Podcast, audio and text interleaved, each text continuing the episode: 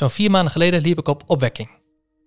Ik hou niet zo van mensenmassa's en waar mijn collega's het hele weekend gingen om anderen te leren hoe je kunt aanbidden door sport, hoefde ik maar één dag. Ook daar zag ik wat tegenop. Ik liep het terrein op, zag duizenden mensen om me heen, maar niemand zag mij.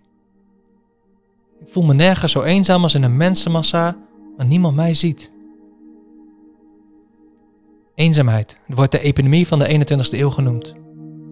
En hoewel het niet een overdraaglijke ziekte is als de pest of COVID, zijn de gevolgen wel degelijk ernstig. Onderzoek voor COVID in 2020 wees al uit dat 47% van alle mensen in Nederland zich eenzaam voelt. Dat is bijna 1 op de 2. En ook onder jongeren was dat percentage 46%.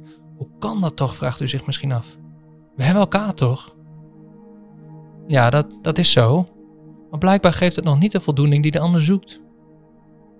We hebben niet alleen nodig om elkaar te ontmoeten, we hebben het ook nodig om ons geliefd te voelen door de ander. De kans is misschien wel groter dat u zich niet afvraagt hoe dat kan, dat zoveel mensen eenzaam zijn omdat je jezelf eenzaam voelt. Bent onderdeel van een mooie kerk, bent gezegend met liefdevolle vrienden, actief in de community misschien wel en toch, toch kun jij je eenzaam voelen. Oh, wat heb ik met je te doen? Voel het verdriet, het gat in je hart, naar de liefde waar je zo naar verlangt. Ik ken het. Helemaal in het begin van de Bijbel schept God de mens. Mannelijk en vrouwelijk schept hij hen. Eerst Adam en dan zegt God: Het is niet goed dat de mens alleen is.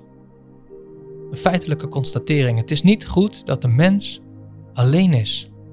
Want wij zijn naar Gods beeld gemaakt. Wij zijn gemaakt en bedoeld voor intieme relatie. Om elkaar te kennen en om gekend te worden.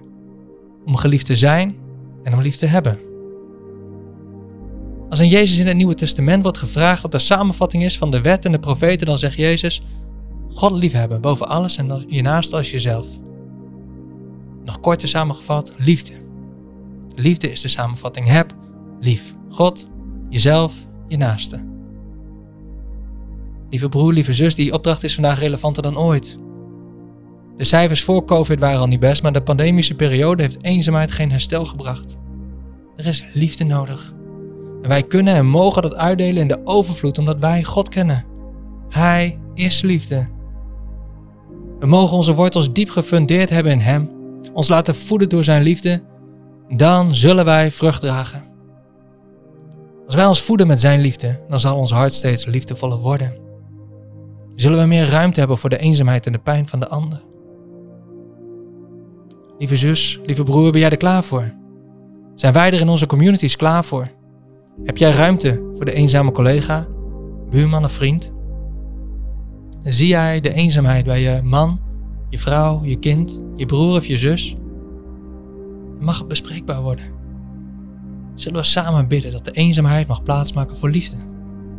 De liefde overwint. Ook overwint liefde de eenzaamheid. Ook jouw eenzaamheid. Samen bouwen wij aan een samenleving waar iedereen zich gezien en geliefd weet door God en door elkaar. Bouw je mee?